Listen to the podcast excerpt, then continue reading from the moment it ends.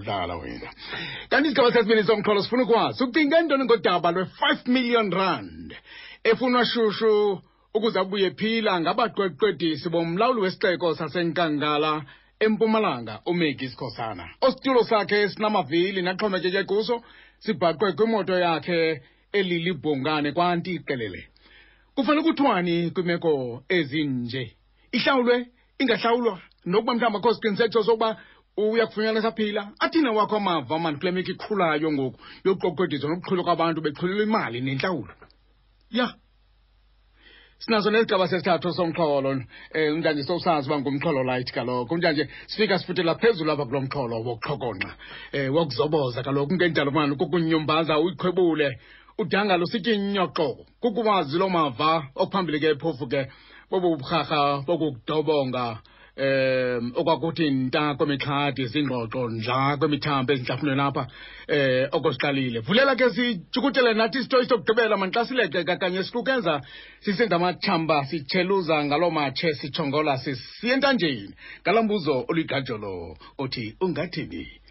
ungenza njani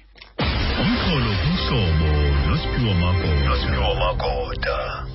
senditshilo ke ndathi olu lusuku lokuba sithi eh ukuba zindlebe sitsolisa amehlo sikolozela indlela zokukhulisa ulwazi lwethu ke kuquqeka inkwethu le mehlweni kwimibakhe yezoqoqosho intlutha nolawulo um ukuquka ezopolitiko nokuhlalisana koluntu nje jikelele nakwesi hlandlo ke siyaqokelelana wethu siyasondelelana tyhini wethu um sisiyarhanqa ke kwesasangqa esibiyela uphopho okwaziyo ukuzivelela macala nonke ke ezinkalo eh kudala etshiso liqulo ndiyambona ngugqirha andile nonto lona ngosemfumene molo gqirha nonto sikwamkele ngokufudumeleyo kumxholo mandibulise msasazi lamini ndibulise kubaphulaphula bonke komhlobo wenene ya namhlanje ya siyavuya siyavuya sikuvumele ngenxa nonso khakha kasincede kasincede usikhawulezele nje ubeke esikalini ubume beli lizwe lethu lomzantsi afrika ngoqoqosho kukho izithombo ezithembisayo zokuhluma okanye mhlawumbi kuthathe bhe ilizwe libharhile liyahlehla sizibona phi khona ezo mpawu zokukhula nokunzonza kwaye kulindeleke ukuba mhlawumbi kuthweni ukuphucula imeko kule nto kuyiyo ke mandibulise mthosazi ndize kakhulu okokuqala nje phambi koba ndiqhube ndifile uba kulo nyaka yi-forty years usasaza masukunqwenelele impumelelo kuyo yonke le nto yenzayo kuba bambalwa abantu abathi bafumane i-forty years yifo ndiqale ndike ndiqala apho nje abaphulaphuli bayazi mhlawumbi abanye abayazi into yobana amashumi amane onke usileku usafa ndiyabulela wethu ndiyabulela eh, oh. hayi inokuyawuthi uhlewutye umhlala phantsi ke ngoku emva kwale forty years celebration kodwa ingathi awufuni ukuyeka hayi kuthiwa mandlale kuthiwa mandlale ayikuba unga xa usebenza noko iba khona impilo yakho iba nde xa uhlala ekhaya khupha yabona um ube irelevant ndibone namacebo nazezinto zizulazulayo yaqonda njalo ndingahlathi kati msasazi namhlanje ke siyadibana beke sadibana kwiinyanga ezimbalwa ezigqithileyo sixoxa ngemeko yeli lizwe imeko ke yeli lizwe ke ilawulwa ngezepolitiko ilawulwe ngezentlutha ethi kuthiwa ke economy um economy ke tata umsasazi uyawuyifumanisa uba i-definition entsha ngoba thina sazi uba ngumhlaba hmm. nakulo rhulumente uphetheyo ngoku xa babeqala ukulwa ngo-nineteen engo-nineteen twelve eh. kwakuthethwa ngomhlaba tata umsasasa hmm. bazosplitha bowuxuthela umhlaba woxuthi umhlaba weliso kweza tozonongqawuse hmm. kwazothi ke ngoku ethubeni kodwa yashiyeka ne-african national congress into yokuthiwa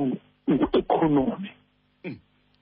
yabe i-p a c ihamba nomrhiba womhlaba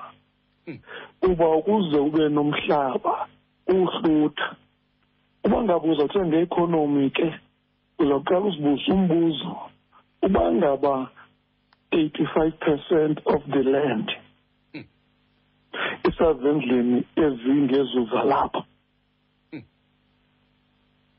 ngoku ke intlutha ungaphinde uthethe ngeekhonomi na ungathethi nomhlaba athomya unokwazi ukuthetha ngeekhonomi kwezoqoqosho ungathethi ngomhlaba ngoba uqoqosho lelizwe lusemhlabeni yiyo le nto uzawuthi xa uthetha ngoqoqosho uthethe ngemanufacturing imanufacturing yenziwa moyeni imining ayenziwa moyeni i-agriculture ayenziwa moyeni uzawuthi ngu-retail u-retail zii-buildings zii-sectors zeekhonomi ezo ndizibalayo ezihlumisa uqoqosho kodwa kuqoqosho lunento okwenza nezopolitiko umzekelo njengoba kuzithiwa apha esouth africa sinengxaki njengosazi siku-load shedding four ngoku stage four u-escom owusho i-thirty billion i-debt lo escom uzawuthi ke ngoku enjenje ngezopolitiko kule minyaka igqithileyo hmm. apho bekuluthiswa khona istate hmm. ngabantu abebephethe kweli lizwe hmm. into eyenzekayo tata umsasazi uyawukhumbula ilizwe lasesouth africa njengoba ubusazi hmm. nabaphulaphuli bayazi uba 95 percent more than 95 percent of the economy uqoqosho lusebelungwini hmm. abelungu badivided ke kathathu kukho abelungu basemelika kukho abelungu baseyurophu hmm. bekhona abelungu bethu aba balapha abelungu bethu balapha ngabahlala estellenbosch aba babizwa ukuthi ngo-anton rupert nabanye eh. bakho kwezoqoqosho nina thina sishiyeke nento epha koo-three two kwi-stock exchange ngonjalo intlutha yesizwe kusijonga kwezo ntlandlo zijonge asikho ke phaa umhlaba omninzi aba bantu ndibaphethe keli lizwe bangu-five to ten percent kuba ke namakhaladi namandiya abhetere kunathi kuba lokuthina kwangokuya kwakuvota kwezopolitiko kusithiwa makungene epalamente yabelunga ekhona amakhaladi ekhona amandiya bengekho abantu abamnyama hmm. imeko yethu ngo-twenty twenty-two ndiyilanda ke ndoyibeka ndiyisuse kwinto ethi ngo-nineteen eighty-nine nineteen ninety-one kuqaliswe nto zoxoxa ninety-two kuyaxoxa hmm. kwi-ajenda izange ibekho into ethethe ngezoqoqosho nabantu abamnyama kwathiwa noba niyaxoxa nithini Khanime ngento yezoqoqosho. Uqoqosho izibaluleni. Ku-2022 umntu omnyama kwezoqoqosho usenjengakuqala in terms of ukufumana accumulation yep into yetenders efike yathi yathi yathi hmm. into esiyifumanisile ebantwini abamnyama siye sazifumana imoto eziduru siyakwazi ukukhomba ukhona umntu one-ross ross ekuthini mm. aqhube laa moto ye-five million in the sea of poverty ahambe ngale moto ungena kulaa ndlu yakhe ayinyuse nge-four meters wall afake electric fence xa iphuma ngaphandle indlala yonke ibhaliwe ebantwini abagqitha ngezaa moto yiyo le nto bayiba nomsindo abaphetheyo kwezopolitiko xa bephethe ezopolitiko bafumanisa uba baphethe igobhoza xa uphethe ezopolitiko bathatha izigqibo zoba makesithi ibhajethi le yelizwe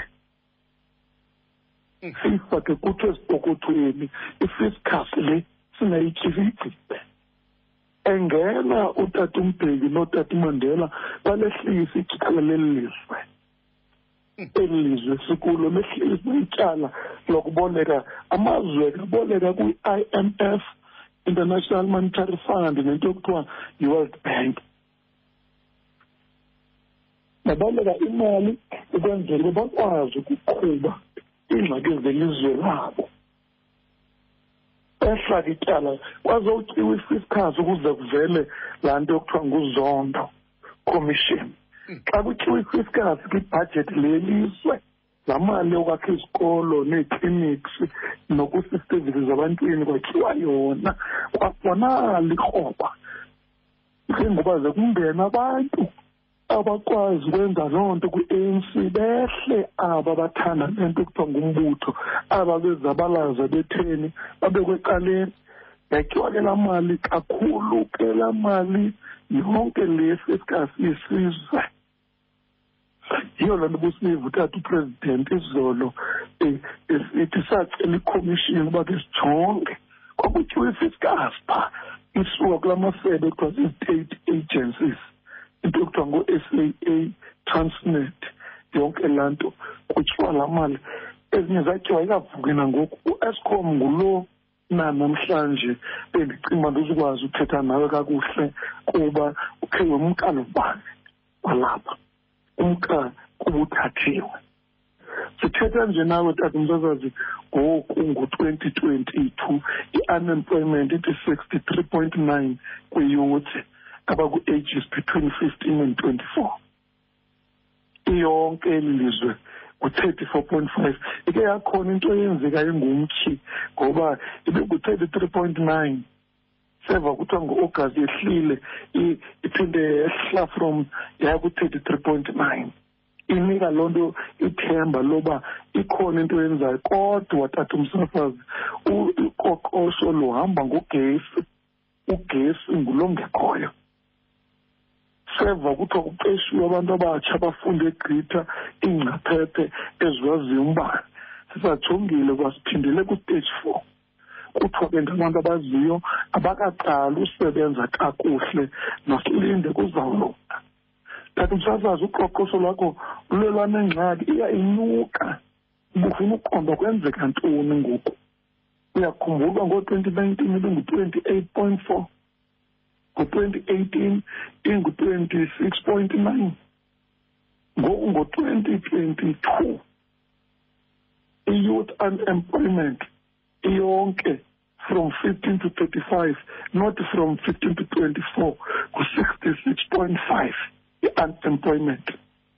apha esouth africa le unemployment ke tata msasazi zonke iimpando ezikhoyo investigations zikhomba kwidirection ekuthiwa yi-mismatch of skills yiyo le nto xa ndithetha ngeekhonomi ndithetha nge-education ndithethe ngezopolitiko kuba i-education yethu ayithethi nezoqoqosho lwelizwe abantu abaprojuswa abanezikili zingabo aba bafunekayo there's a mismatch kuthiwa yi-major major cause of unemployment ibe yilaa nto ye-south africans abantu abamnyama banganyamezeliyo abanye abahlala emsebenzini aphinde ngoku athole ohlala ekhaya engenzi into yokuba baphangele kukho abantu abaninzi abagcwele apha kwi-circulation abayeke imisebenzi abayiyeka bengayi ndawo eyiyeka nje kube ngayifuni ibhosi iwesi uba laa bhosi ikhiya yamnyama xa imhlophe ahlala umntu noba iyamngcikiva xa imnyama ibhosi umntu angengomso kwenyuka i-impatient abantu abangakwaziyo unyamezela kube khona ke ngoku ngunumber two obhaqiweyo lo number one obhaqiweyo ngulowo uba kukho imismatch izikills ezimidekayo ayizizwe zizikhiqizwa ngamaziko ezemfundo eli lizwe ii-universities ii-tivet colleges i-pivot college inyo ufumanisa uba i-teach human resources marketing izinto ezingafuni luqoqosho ayikho into ethi makuthisha i-boiler making welding carpentry brick work ezaa zinto zifunekayo sibe ne-oversupply of artisans bakwazi ukupasa bungathiwa umntu oyi-artisan makahamba yebhayi makaye eblomfontein makaye erhawutini ixhapha ke into yopasiso kwabantu okuthiwa zii-artisans abanezikills ezifunwa luqoqosho ukuze luhlume xa ujongile unumber one sector in this country ezihamba phambili fumanisa uba yi-financial sector ibe zii-mining ibe yi-agriculture but how many of our people abafunda ezi skills ezi ndithi zizo ezinkcenkceza phambili hmm. ndicima msasazi uyandiva ndizama ukuthi kwayityala lethu ngoku as we speak siyi-south africa libe ku-two hundred and sixty six point nine i-u s dollars ityala two sixty six billion ityala le-south africa sibuyele back to square one in terms of le nto yiyo le nto ke ibithethwa ngooprezidenti abathathu abagqithileyo abangxoliswa kakhulu ngokuhambe bethethe esidlangalaleni ngomnye uprezidenti kusithiwa nithetha njani kakhulu kangaka publicly bekumele uba nithethe ecaleni babe besithi ke besiraise ezi issues kuba i-leadership kapresident ophetheyo ijongwa kwizinto ezenzekayo izinto ezenzekayo ithini unemployment kodwa mkhumba uba lo president uphetheyo usuka kwi-state capture ebebundu kunya i-state capture ene-lieutenant zakhe hamba nazo xa kwakhe ezijobhekayo kwesaa state capture anokuthi xa inozirilisa ayowela ezindongeni ngoku xa kuba makazithini yiyo le nto ungathi izolo ndizawucinga ndisebenzisa i-authority yam ndidla amathambo emthetho entloko ezopresident uba ndizawuthina ngabantu abaseburhulumenteni kukho abantu bakhe uyamva ngokuba nanku noformer premier welaa phondo lethu ekuthiwa yi-eastern cape evela publicly kwiphepha langeweekend esithi upresident akamfuni naye makayeke makehlelo lo president laa premier kwakuthiwa ngu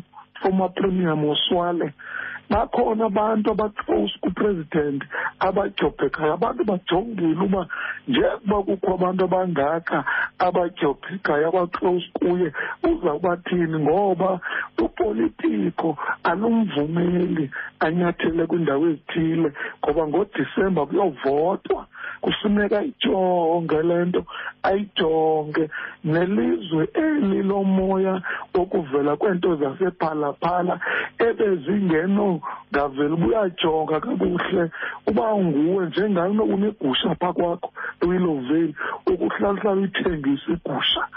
ngoku le nto yephalaphala iyamembatha kuba engupresident kuba iyatshintshwa into xa uphethe isuke kwezopolitiko kwento zoba yiyo ngqo ibe lupolitiko ekutshilwa ngalo xa kufude kwafunyana into ngawe ekubeni kudala ukhangela izinto ngawe ufumaniseke uba kho nto ibhaqwayo kuwe iyokhangelwa phantsi kwetafile kuvele into yiyo le nto ebuza uformer president mbhiki esithi kufuneka sicinge kuba lupolitiko olu what if le nto iphuma isithi nakuzwela imkhiziyo kuthiwa wathatha intontoni kulaa khampani kuphuma ngokwa-s i u isithi ayiklini ngoku esayuya isithi lo mntu uyadyobheka wanyanzeleka ukuba rizayine kwathi iye itshintshe nini into yoba ngoku avele engamoshanga le nto kuthiwa ke ziipolitics ezo ezilidishela ku-twenty twenty-four zininzi into ezakwenzeka kulo twenty twenty-two conference kwiwenkomfeni ngoku zonke izinto kube khona neempembelelo ze-EFF amaqondo unemployment ahlela zinzile abetween thirty four and thirty three abantu abaqeshwanga imisebenzi ayikho iqoqosho leli lizwe alukhulisi misebenzi abasebenzi banikwa u-three percent bayaqhankqalaza bake bakhona imoratorium kwi-salary increase from twenty twenty okokoko kusithiwa mazingenyuka imali ngokuba nika u-three percent u-three percent kuqoqosho lweli lizwe i-interest rate zenyuka every day imoto iqhubayo nendlu okuyo ngoku as we speak yonyuka phaa yonyuka phaa koo-thousand ngenyanga imali yakho inyuka ikonyuka i-interest rate siyevana ndani lokuthiwa zakwehliswana kodwa uthi urhanyarho oreserve bank sixhomekeke kugovernment ugovernment uzawuthini kodwa thina sihamba ngalo mrhuba wokujonga iimeko xa kunyuka i-interest rate kanje wonke umntu onebhondi yendlu wonke umntu onemoto ayithengileyo iyenyuka installment sasiqala apho uze ebutyeni konakele ebutyeni nge-thousand rand ufumana ukutya kwe-three hundred rand ubujonga kwiminyaka egqithileyo yi-three amaxamba amabini seyisondele pha ooflawa oh, nombilimili bebepha koo-two hundred three hundred ento ibhekenye indlali agquba kodwa gqirha nonto ingaba imeko iye iba ngcono okanye iye iba mbi ngokuba mbi ndaziva ziingxaki zodwa ezuzibekayo ngaphambili iye iphucuka imeko okanye umcimbi uye iliwa liye libheka umoya kanti msasazo zaxa uthetha ke ngoku wena uthi funeka uqale kube kubi ukuze kube kuhle hmm. kodwa ngoku as we speak namhlanje nawe imeko imbi ndiyibekile imeko zange ibekho u-thirty four percent unemployment hmm. kweli lizwe zange abekho u-sixty six point five we-youth unemployment kweli lizwe zange bebe kwi-load shedding enje kweli lizwe hmm. zange ibekho iingxoxo zee-salaries eziresulta ekubeni kuthiwe mayibe ngu-three percent hmm. so kule ndawo sikuyo ngoku ityala lelizwe ku-two hundred and sixty six point nine billion ityala eliowuswa isouth africa nakwezinye indawo ichina iyodwa siyiowuswa i-thirty billion u s dollars ichina iyodwa ndizama ukutseka umsitho kule ndawo sikuyo ngoku i-education yethu ekatransforma ukutransforma kwe-education kukuyitshintsha ithethe kweekonomi ireduce imisnatch laa nto buyiva utamam uenji bethetha ngokutransforma i-education system laa nto sasiyithetha apha nam nawe yoba makunyuke i-technical education ezikolweni abantwana bafunde izikills ndade ndanokothathwa laa education yasezimbabwe le transformation of education itivet colleges ezi azikakhiqizi abafundi abazoba relevant to economy abantwana bakhiqizwa kwitivet isengaba bakwasparks abasebenza ezivenkileni abasebenza ezisupermarket abathutha izinto abarhupha iitloli isengabo abazipetrol attendant kuxesha umntana ene-tertiary qualification andithi ke nkonzi emasume apha to the worse than before mhlawumbi singathi sizabeka ezi scorpion sizibuyisele uzawuthi i-corruption ungathi iyajika mhlawumbi ibhetere kodwa khona kodwa kusoloko kukhalinywa ke rhanotso ngelithi eh kwakuvela uventu ventu kwezopolitiko noqoqosho luyadodobala kodwa kweli lethu ke kusoloko kusithiwa uqoqosho ngokumandla lusezandleni zabamhlophe nje upolitiko lukwabamnyama khawusihluzele kutheni kuchaphazeka uqoqosho ngolo hlobo kodwa asinaqoqosho singabantu abamnyama siphethe upolitiko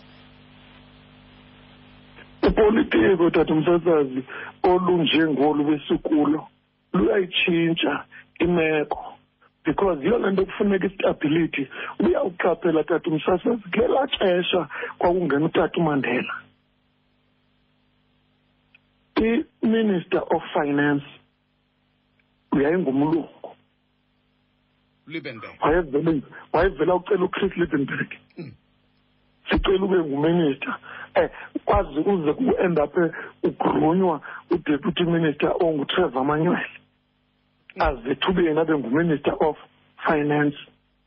kuba ke uphethe so upolitiko olungazinzanga i-ekonomi yabantu njengoba sisithi ilizwe li-owna ngabantu bangapha ngaphesheya luyachaphazeleka lokukhona i-fiscal yekhantri yiyo eyenza obe khona indlela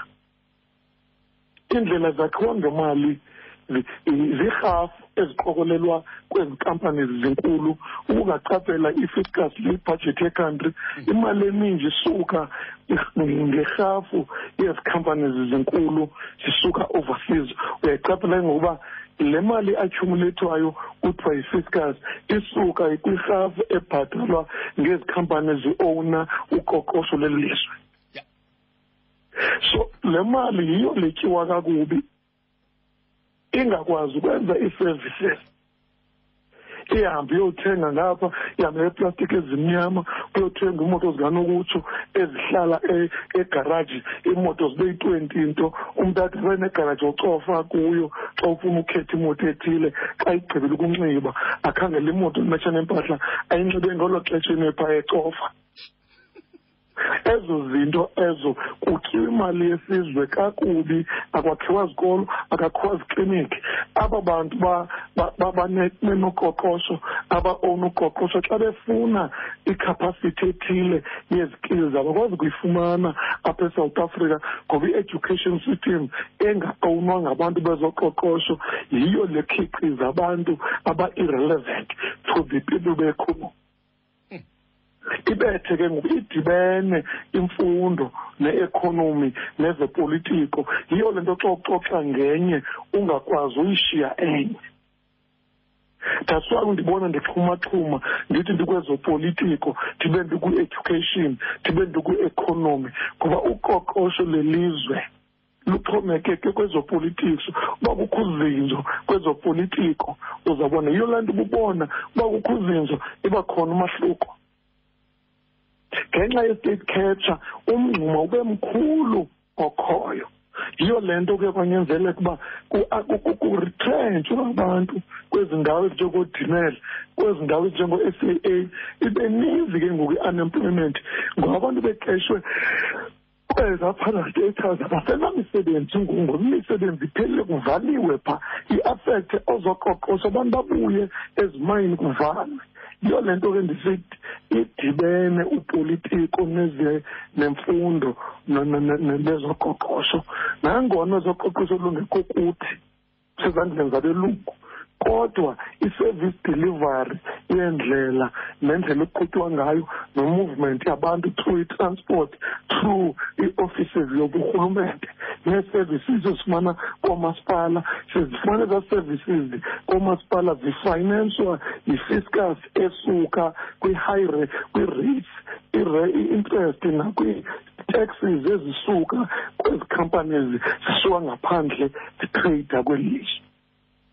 igqirha nonso um eh, umphathi wabesebe lezemali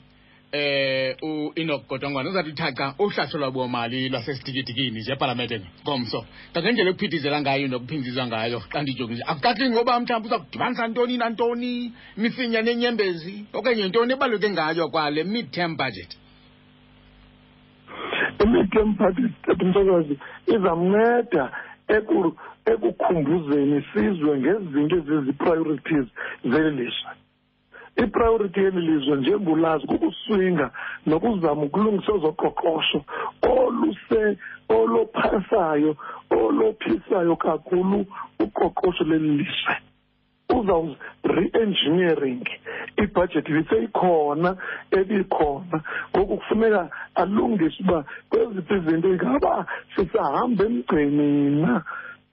nezinto ezazithethwe ngupresident kwi-state of the nation address saze sathatha ezo zinto zikapresident